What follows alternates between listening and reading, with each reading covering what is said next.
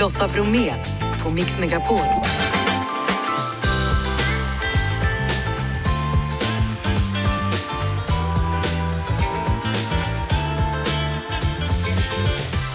Hallå där och varmt välkommen in till oss denna torsdag. I dagens mix, allt fler exotiska gäster i svenska vatten. Hör om en sällsynt varelse som dykt upp eller om det nu är ner.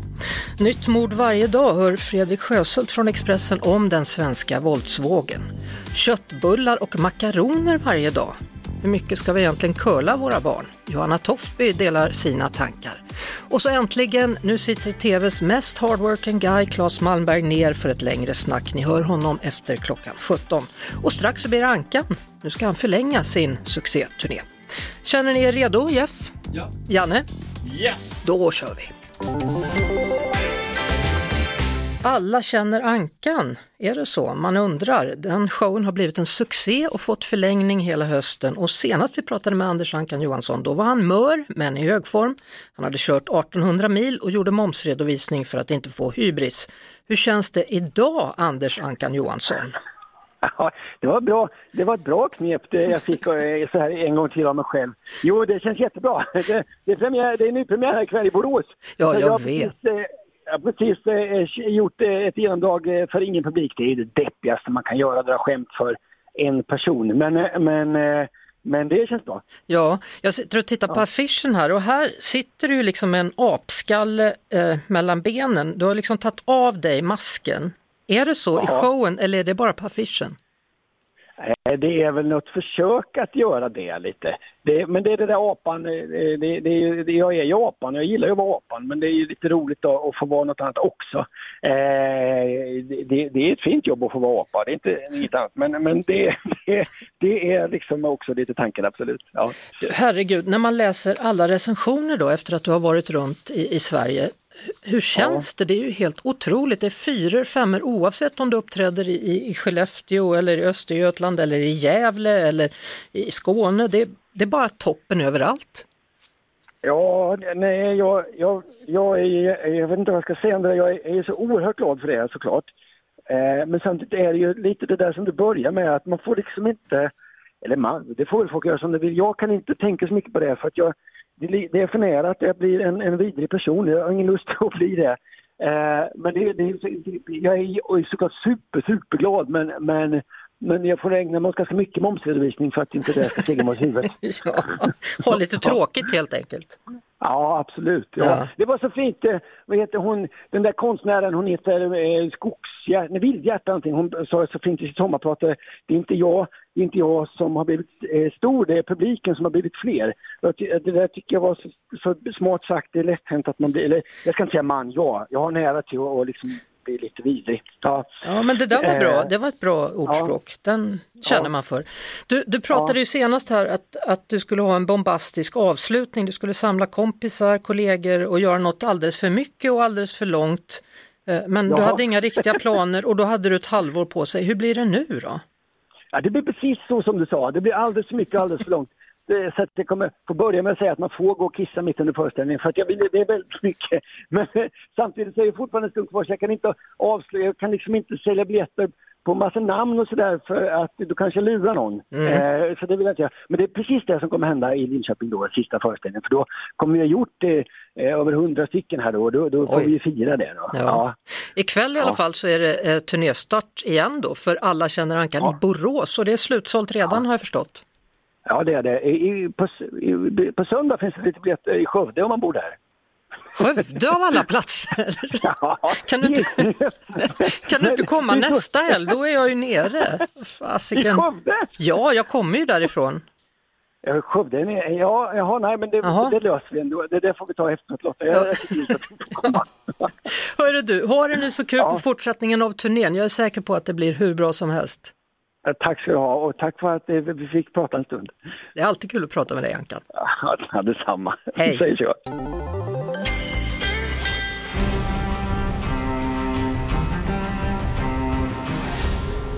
Film och serier. Då är det dags för bytte bytt, det vill säga jag ger en serie till någon och som ger mig en serie tillbaka. Och idag så är det skådespelerskan Alva Bratt som finns här. Hur, hur ofta tittar du på serier? Inte jätteofta faktiskt. Nej? Nej, men senast som jag såg en serie var Amy Desimons serie Thunder in my heart. Just det. Och den var jäkla bra.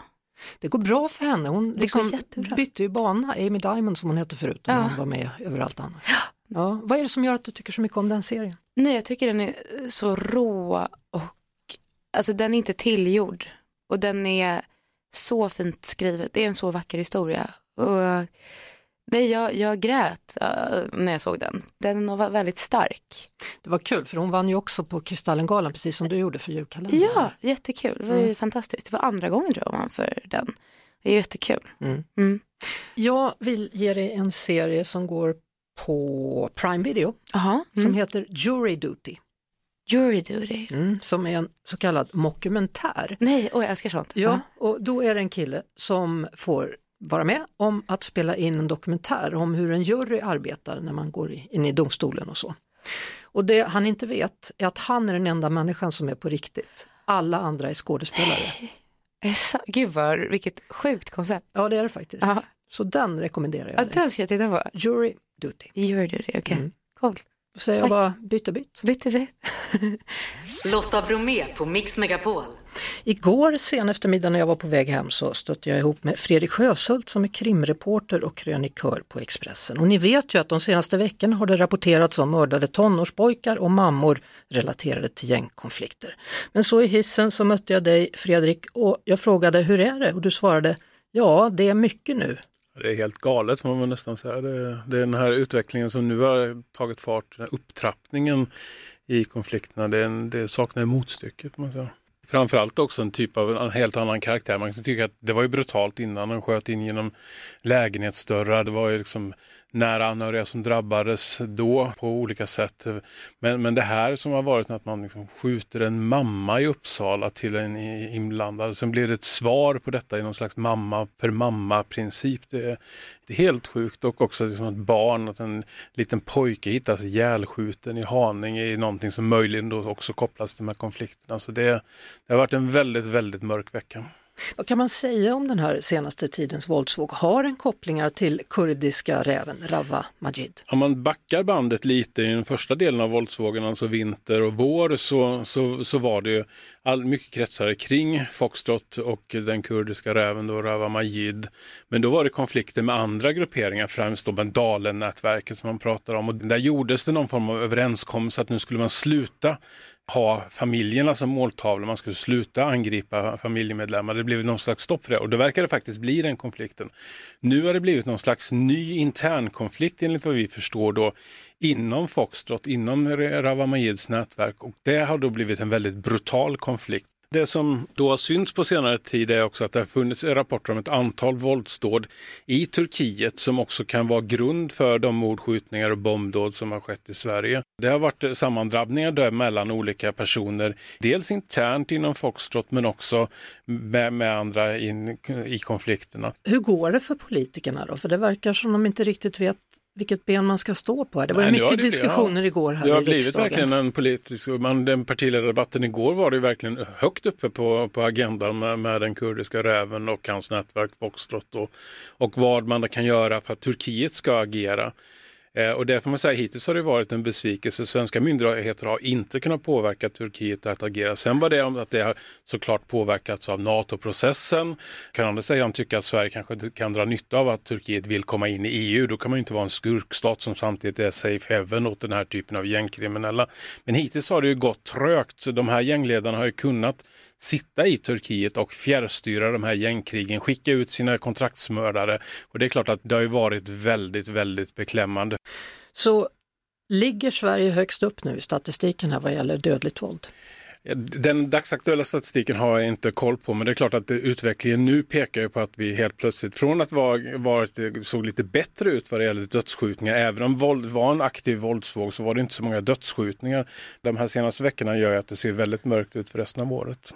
Polisen höll igår då en presskonferens med anledning av våldsvågen och idag så meddelade regeringen att det sker en miljardsatsning på polis och säkerhetspolis fram till 2026. Vad behöver göras anser du? Alltså, I det långa loppet så är det klart att de här ungarna som tar de här morduppdragen, de måste ju räddas i skolan, av socialtjänsten om det går så långt. Eh, men det är, det är inte de kortsiktiga lösningarna utan polisen måste ju få snabbt fler resurser. Man måste fundera över hur kan polisresurser frigöras så att fler är ute på gatan, så att fler är ute och patrullerar och tar den här ungen som är på väg till en skjutning med vapen innan det är för sent. Tack så mycket Fredrik Sjöshult, krönikör och krimreporter från Expressen. I helgen så filmades en ovanlig näbbval i Öresund. Med mig nu valexpert och marinbiolog Johanna Stett från Lunds universitet. Välkommen till Mix Megapol. Tack ska du ha.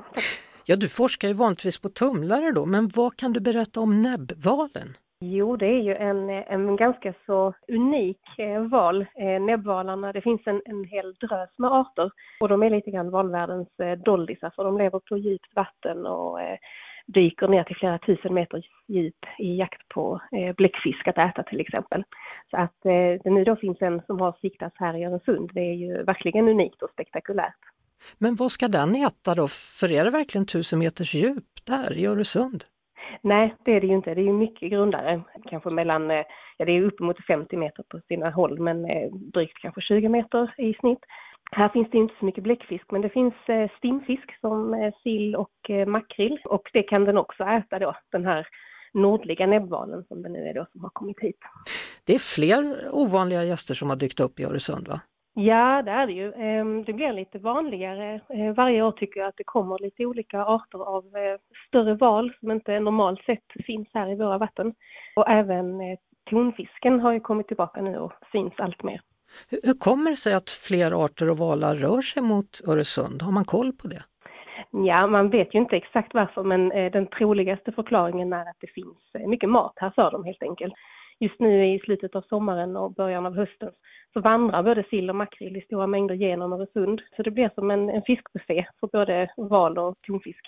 När man jobbar med det som du gör då, hur glad blir du över sådana här rapporter? Jag blev väldigt glad. Det är ju eh, fantastiskt roligt. Jag önskar att jag hade suttit i den där båten med besökare ja. Eh, som fick se den. Och när jag först såg den här, jag såg först en stillbild bara, jag trodde nästan att den var, var konstgjord, men sen förstod jag ju att det var faktiskt på riktigt. Så det är verkligen, eh, ja, väldigt, väldigt spännande. Om man nu befinner sig i området här och vill ha en chans att se valar, hur gör man det på bästa sätt? Ja, alltså det, det bästa är ju om man har möjlighet att ta sig ut på havet för det gör ju att det blir enklare att komma nära. Men det går ifrån land också ibland om man har tur. Ehm, och sen är det ju ehm, den här tiden på året nu när det händer mycket ute i Öresund så är det ju en bra tid att ta sig ut. Och gärna också på kvällen. Ofta är det lite mer aktivitet, speciellt bland tonfisken. Och ehm, försöka åka ut en dag när det är ganska så stilla på havet. Så att man har enklare att se de här djuren som då bryter i ytan och kanske plaskar till och så. Mm. Eh, jag behöver knappast fråga vad du ska göra i helgen eller? ja, förhoppningsvis kanske ut på havet lite grann. Jag tänkte nästan det. Mm. Ja. Eh, stort tack marinbiolog Johanna Stedt från Lunds universitet. Ja, tack. Och hoppas vi hörs av framöver. Det kanske kommer något mer kul djur, vem vet? Ja, absolut. Ja. Det är bra att höra av sig. Ja, tack. Hej, hej. Du lyssnar på Lotta Bromé på Mix Megapol. Du kallar det för att du glöder. Du är i en tidsperiod av livet där du glöder. Jag inte glöder utan glödtänder snarare. Jag vill säga att det är lite sådär att man trodde att nu är liksom, ja nu börjar det liksom att sina och nu ska man bli pensionär och, och mata duvorna och då har det liksom, har jag gått en ny vår till mötes på något sätt. Så det är lite grann som att motorn går inte på bensinen längre utan den går på de ångorna som finns kvar innan tanken är tom. Är du frisk nu?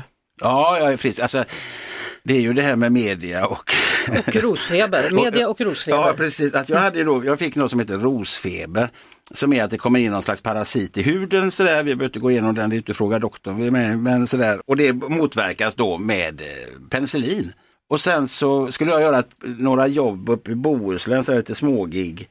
Och då gick de ut till Bohuslänningen och sa då att jag hade blivit sjuk så det var inställt. Och då ringde ju de lite större drakarna. Och då var jag lite sådär, ska jag svara eller ska jag inte svara? Men tänkte jag svarar så kan jag berätta då om att det inte är någon fara. Och det skulle jag inte ha gjort. Då sa jag bland annat så att det är ingen fara, jag ska åka bara till sjukhuset och hämta lite penicillin så jag är frisk. Och då blev det Claes Malmberg till sjukhus. Ja. Men det var ingen som insåg att jag körde själv, jag fick penicillin och nu är jag frisk. Det var inte så att du låg inlagd med penicillindropp? Absolut inte skulle jag vilja säga. Halvdöd? Nej, jag var inte ens, halvdöd känner man sig hela tiden, men jag var inte mer halvdöd då än vad jag är nu. Men, men Claes, alltså, du har ju varit med om en del rubriker genom åren. Absolut. Vänjer man sig någonsin vid de här löpsedlarna eller kvällspress eller skvallerpress? Nej, jag gör nog inte det. Lite härdad blir man väl, men eh, jag tycker det är besvärligt om jag ska vara ärlig. Jag, jag, jag trivs inte riktigt med och under en period av mitt liv, nu har jag väl blivit lite klokare med åren, då, då sa jag ju vad som flög ur mig liksom i stunden rätt mycket och det blev en del rubriker och sådär. Och vissa saker ångrar jag och andra saker tycker jag liksom det var helt okej okay att jag sa. Sådär. Men alltså skandaler är ingenting jag själv njuter av så kan jag säga. Vilken löpsedel var värst då? Det var nog när jag, första löpsedeln kom ut att jag höll på med kokain och drog i mig det någon gång på slutet på 80-talet där. För då är jag dessutom väldigt ovan vid dem och sen var det ju en väldigt allvarlig löpsedel. Så att, och jag var också i ett, i ett tillstånd som person där jag var väldigt skör och eh, mådde inte så bra rent privat. Så att det var väl den jobbigaste skulle jag vilja påstå. Hur gjorde du då? Ja, skrev in mig på ett behandlingshem helt enkelt i Uppsala och eh, efter mycket kämpande och eh, rannsakade av mig själv så tog jag mig ur det där till slut. Så att säga. Men det tog sin lilla stund. Det var alltså så att du höll på mycket då? Du var beroende? Ja det var jag absolut. Jag var beroende och höll på mycket och sådär. Och, eh, Fast ja. det är ingen som märkte det och försökte hjälpa dig då eller? Nu var inte det en fördel men, men man kan väl säga så att mitt tempo är ju ganska eh, högt och jag har mycket energi liksom i livet och som person sådär. Och, eh, på något märkligt sätt så gav det mig någon slags lugn och sådär. Och sen är ju det där en drog som går att dölja åtminstone till en början ganska väl därför att det förändrar inte personligheten. Vet man om det så kan man se det, men vet man inte om det så tänker man inte på det. Så vilken drog ägnar du dig åt idag? Ja, det är väl kärlek. Ja. och, och lugn och ro om jag ska vara ärlig. Också, det är nog en betydligt mycket bättre drog. Alltså, jag, den största erövringen jag har gjort i mitt liv det är att jag idag kan utan att bli nervös eller stressad vara ensam och därmed inte känna mig övergiven utan känna mig ganska lugn. Och jag har blivit mycket lugnare, tror jag, säkrare på mig själv. Och eh, jag har inte lagt färdigt pusslet men, men jag är i slutet på det vilket gör att det inte är så jävla många bitar kvar att lägga nu så att jag börjar se konturerna av vad motivet ska bli. Du nämnde kärleken där. Du har väl varit singel ett tag? Ja, det har varit. Hur var det att vara singel då? Ja, det var inget speciellt tycker jag. Det var ganska skönt. Ja, men apropå det här med att umgås med sig själv, det var det jag tänkte. Ja, nej, alltså jag, jag har ju levt ett liv där jag i princip har varit i relationer sedan jag var liksom i 20-årsåldern. Och sådär och bytt och ja, det låter ju så jävla märkligt. Men, men alltså sådär, gått från famn till famn lite grann sådär. Så att när jag väl då plötsligt bodde ensam och levde ensam sådär så måste jag nog säga utan att på något som helst sätt kritisera de relationer jag varit i så måste jag säga att jag fann en väldig styrka i att faktiskt ta ansvar själv och göra alla de där grejerna som jag kanske smet undan från innan och sådär. Så att jag tror att det har danat mig till att bli en betydligt mycket mer eh, större förståelse för att det finns även hushållssysslor som ska utföras och att om ingen annan gör det så får man göra det själv. Så kan jag säga. Så numera både tvättar du och dammsuger? Absolut. Dammar du också? Nej, alltså Nej. damma vet fan. Alltså, det, jag, jag torkar med trasa ibland sådär. Fast då, då, låter jag grejerna stå kvar så jag torkar runt grejerna. Så man får inte flytta på vasen för då är det jävligt, då, då ser det konstigt ut. Men så länge grejerna står där de ska så dammar jag runt. Du, du nämnde ju eh, kvällstidningar. Jag, jag tycker det är bättre att jag frågar dig istället mm. för att läsa. Har du en ny kärlek? Eh, ställ nästa fråga. Vi hoppar över den frågan. Ja. Känner du dig kär nu för tiden? Ja, då, absolut. Ja. Ja, I någon speciell eller? jag har lätt för att bli kär så jag kan vara kär i många samtidigt. Så, att, ja. Eh, så, så att, absolut. Hur är det med barnen då? Det är bra. Fem stycken? Ja. Med åldrarna från 19 till 41. Hur funkar det liksom? För då lever du nästan i parallella universum. Men enligt eh, partikelfysiken så lever vi ju i parallella universum så att det är väl bra att öva på det också för det kan ju vara så att när man går över gränsen sen så kommer man till ett parallellt universum, då är man van vid det redan. Nej men det är klart att det är många eh, roller att identifiera sig med och vara i så att säga. Så att, och att vara morfar och farfar tycker jag är, det är, det är liksom fantastiskt, det säger ju alla nästan som blir det. Sådär, man blir ju väldigt förälskad i sina barnbarn. Och det, jag gillar ju barn som säger roliga saker och som, som har ett självförtroende. Alltså, på något sätt så lär man sig att människan är egentligen perfekt när den är liten. Och sen har vi vuxna en tendens att förstöra den uh, perfektheten genom att liksom ruta in livet. Ibland måste vi göra det därför att det är så samhället ser ut och, och för att man ska klara sig. Men mm. vi är lite väl ointresserade ibland av den fantastiska kreativitet, humor, kärleksfullhet som finns i liksom små människor. Är det lättare det att vara morfar och farfar än att vara pappa? Ja det är det ju för man har ju inte samma ansvar. Alltså det, det, det är liksom, jag kan ju bara ta, jag kan ju ta till mig det som jag tycker är det roliga. Så mm, byta blöjor till exempel. Ja, ja, ja, det kan jag göra. Jag hade inte så mycket, jag bytte ändå en hel del blöjor och jag tyckte inte det var så det var ganska trevligt på något sätt. Så man vänjer sig. I början var det ju lite sådär, vad fan, måste du bajsa nu igen? Men sen efter ett tag så inser man att ja, det måste de ju. Så att, eh, och då kände man sig lite stolt ändå när man gjorde det och man fick snitts på det. Jag var ju med på den tiden när det var sådana knyt snibb. Ja. Och, och det, det, kan jag säga, det kräver sin man för det, det, det tog ett tag. Sen när de här tejpblöjorna kom så var det lite lättare och sen kommer de där som bara är som Helt byxor. Ja. ja. så att dagens generationer har ju ingen aning om vad det innebär att byta blöjor.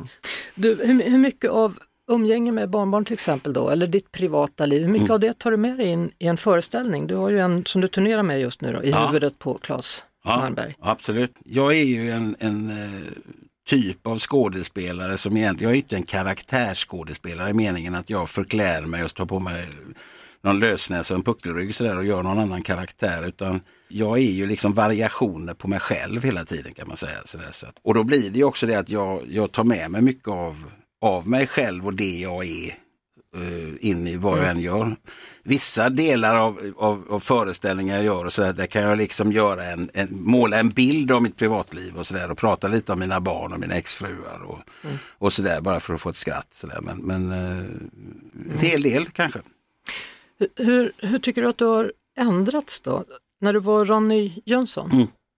och nu, det är två helt skilda grejer va? Ja, det, fast det är det ju inte egentligen. Alltså, ju, ju äldre man blir desto mer inser man att även Ronny Jönsson var ju en variation på mig själv. Och det som Ronny Jönsson gjorde för mig, det var ju att jag var ju fram till Ronny Jönsson en ganska medioker skådespelare i meningen att jag var roligare privat än vad jag var när jag kom upp på scen. Jag spände mig och jag, jag liksom fick eh, prestationskraven gjorde att jag liksom inte vågade göra, eh, hitta min fulla potential. Och då blev, det, blev Ronny ett sätt att liksom göra någon annan där jag kunde improvisera och vara kul och känna mig fri. Så att han blev ju en skola och en utbildning för mig. Mm. Och ju äldre jag blir, desto mer lik Ronny Jönsson blir jag. Alltså. Blir du? Ja, alltså i meningen när jag uppträder oh, ja. så är jag liksom, har jag samma frihet tycker jag idag. Ja, du kanske inte bara är ångorna då som glödtänder? Nej, nej, nej, det kan ju vara att, att det är lite soppa i tanken också, man ja. vet inte. Stort tack Claes Wallberg. Tack. Och lycka till med eh, föreställningen då, i huvudet på Claes Malmberg som turnerar runt landet. Ja, tack. Du lyssnar på Lotta Bromé på Mix Megapol. Johanna Toftby är en av Sveriges största livsstilsbloggare och dig lärde vi känna i Ensam mamma söker på TV. Mamma är du fortfarande men inte ensam i somras så gifte du dig, grattis i efterskott! Tack snälla! Förra veckan du så kunde man höra om en skola i Bollnäs som börjat servera makaroner och köttbullar varje dag till eleverna. Och det fick ju många att höja på ögonbrynen. Och vi ska tillägga då att det inte är den enda mat som skolan serverar utan det är som ett komplement dagligen till de som inte äter den andra maten då. För att de lite petigare, kräsna eleverna ska få något i magen och orka med skoldagen. Vad tänker du när du hör det här? Första tanken är faktiskt wow, att de vågar. För jag kan tänka mig att det är många som tycker till om det här. Sen tycker jag att det är bra. För jag tror inte på tvinga-tekniken. Jag minns ju när jag satt liksom i skolmatsalen i Åsarp med min sparrissoppa och, och kräktes nästan för jag var tvungen att äta upp den innan jag fick gå från matsalen. Jag tror inte på det. Men, men det är inte liksom för mycket curling då att göra så här? Ska man inte lära sig att äta den mat som bjuds? Jo, både ja och nej tror jag. Men om man serverar barnen köttbullar varje dag jag tycker att det är rätt faktiskt. Jag tror inte att de kommer att äta köttbullar varje dag, varje dag. Jag gillar det här att man får liksom, bara de äter, till slut så kommer de att äta allt annat också. Det tror jag på. Så det funkar åt andra hållet? Ja, mina barn eh, åt väl det mesta när de var små men ett tag så ville de ju bara ha pommes frites och bara köttbullar och så. Då fick de det. Sen ville de ju prova annan mat också och de äter allt idag. Du har ju två tjejer då, som idag har vuxit upp, flyttat Mm. hemifrån, men du gör fortfarande matlådor åt dem. Ja. Berätta.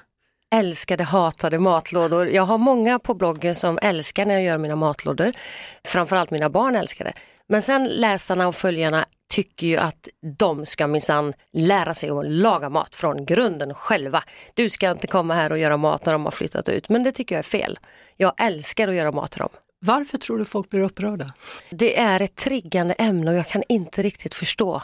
Jag har försökt analysera det, jag vet inte. Men, men de kanske tycker att de borde klara av det själva, de är vuxna nu. Ja, Har flyttat läm- hemifrån. Jag vet. De har- Släpp taget, Johanna. Nu får du sluta curla Johanna. De älskar att få matlådor. Det är ju liksom julafton för dem. Jag tror att det ger vuxna barn empati och att man får lära sig att hjälpa till och att ta hand om varandra. Och fylla upp deras frys och kyl är det bästa som finns och de blir jätteglada. Det är roligt att du säger så. Jag vet att jag hade en arbetskamrat för många år sedan och, jag var så fascinerad över att hans mamma, han var ju alltså vuxen, hans mamma åkte ända från om det var Eskilstuna eller någonting med två bärkassar med mat. Ja, vart går gränsen? Det är klart att det viktiga tycker jag är att man gör som man själv vill. Och vuxna barn, klart att de ska kunna lära sig laga mat och det kan mina barn göra. De lagar mat hemma varje dag men de blir så glada av att få lunchlådor och det, de är båda högskolestudenter också. Men Så du, att- mm. hur, hur hinner du med att laga mat till dig själv och din man också då, när du håller på med dem fortfarande? Eh, jo, men jag brukar göra, jag behöver nya recept. Jag, jag älskar att laga nya maträtter så att, eh, då skapar jag ju lite nya recept varje dag och så får vi ta varsin portion och sen hiver jag resten till tjejerna. Det är Johanna Toftby som är vår gäst i detta nu här på Mix Megapol, en av Sveriges största livsstilsbloggare. Och vi pratar curling och att, eh, ja, alldeles innan låten här då, göra matlådor åt sina barn, något som dina följare, en del av dem, Mm, undrar. Vad är det frågan om? Om jag säger curling till dig då, hur definierar du det, att curla sina barn? Ja du, för mig är nog curling att jag gör allting åt dem så att de inte får lära sig. Vi säger att, eh, ta något exempel, bara tvätta deras kläder, att de aldrig liksom får tvätta, det är curling. För då får de inte lära sig att tvätta sina kläder. Men du ger dem matlådor men du åker inte hem och tvättar åt dem Nej, också? det gör jag inte. Det gränsen? går gränsen, ja faktiskt. Du hem och dammsuger? Nej, absolut inte. Utan De- det är matlådor just. Matlådorna, jag vet inte vad det är. Det kanske är den här, när de flyttade hemifrån, det är ungefär ett år sedan nu, drygt ett år sedan. Jag tappar ju nästan min identitet. Jag tyckte det var fruktansvärt när de flyttade hemifrån. Och det kanske är eh, lite det också, att jag tycker det är kul att liksom laga mat till dem. Och jag saknar ju det här att få sitta vid middagsbordet efter de har kommit hem från sina träningar.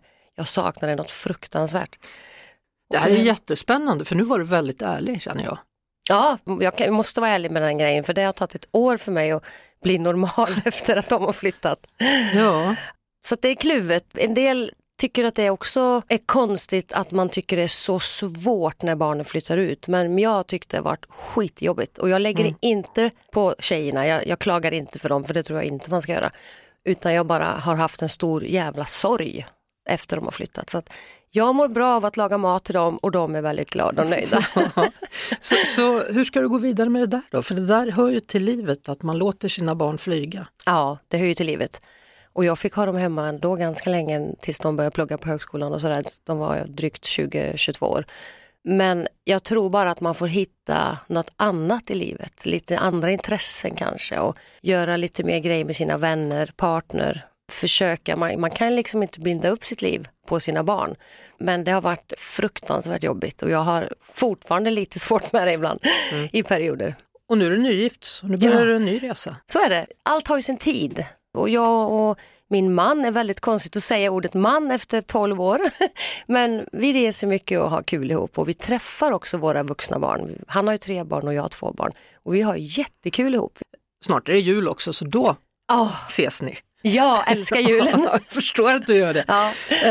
Du ska, Johanna Toftby, på Moulin Rouge ikväll, ska det bli kul? Det, det ska bli så kul, jag är så taggad. Jag ska typ raka vägen dit faktiskt. Mm. Mm. Det är härligt att få komma upp från Slätta ibland och gå på lite vimmel och premiärer. Ja, det är rejält det. Sådär. Ja, Ja. Tack så mycket för att du kom till Mix Megapol, Johanna Toftby. Tack snälla. Vi gör om samma sak som vi har gjort idag imorgon, men då också med ett fredagshäng. Det handlar om Janne, Lotta och Jeanette som önskar er välkomna imorgon efter klockan 16. Vår producent heter Jeff Neumann. Fortsätt lyssna på Mix Megapol. Ett poddtips från Podplay. I podden Något Kaiko garanterar östgötarna Brutti och jag, Davva, dig en stor dos skratt. Där följer jag pladask för köttätandet igen. Man är lite som en jävla vampyr. Man har fått lite blodsmak och då måste man ha mer. Udda spaningar, fängslande anekdoter och en och annan arg rant.